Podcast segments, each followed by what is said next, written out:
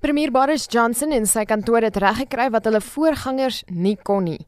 Volgens 'n politieke wetenskaplike aan die Universiteit van Pretoria, Roland Henwood, is die ooreenkoms deurgehak met aanpassings aan die regulering van grense veral in Noord-Ierland. Die voormalige EU-president Jean-Claude Juncker waarskynlik intussen dat daai onderhandelinge op pad is. It's up to the negotiators to sort out what can be done in favor of Britain and what has to be kept alive as far as European uh, rules and settings are concerned. We will have negotiations. This will be very tough, but we knew this before. Henwood stem saam.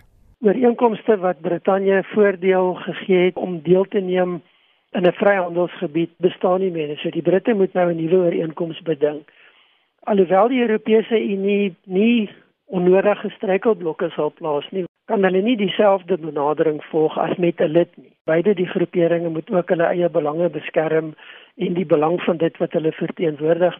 Beide partye se wederwysige verwagting kan ook die saak bemoeilik. Reaksie op gisteraand se verwikkelinge is uiteenlopend. We will always love you and we will never be far. Long live Europe. This vote is not an adieu. This vote is only an au revoir. What's not to like? I know you're going to miss us. I know you want to ban our national flags, but we're going to wave you goodbye and we'll look forward in the future to working with you. Oh no, here come the tears. We must keep the dream alive, especially for young people who are overwhelmingly pro European. I hold in my heart the knowledge that one day I will be back in this chamber celebrating our return to the heart of Europe. Friday, Scotland will be dragged out of the EU against the democratic wishes of our people.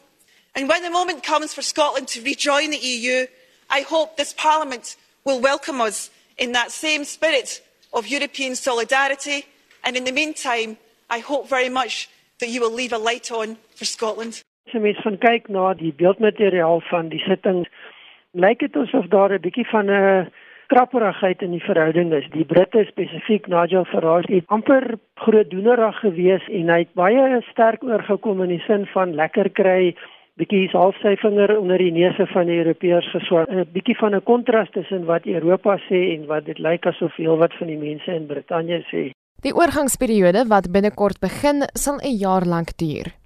Die verwagting is dat einde Junie 2020 of dit lyk asof daar nie 'n ooreenkoms gaan wees nie, moet 'n besluit geneem word oor 'n verlenging van hierdie oorgangsperiode.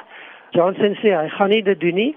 Dit is natuurlik baie idealisties om te dink so 'n komplekse proses gaan so vinnig afgehandel word. Dit was 'n politieke wetenskaplike aan die Universiteit van Pretoria, Roland Henwood.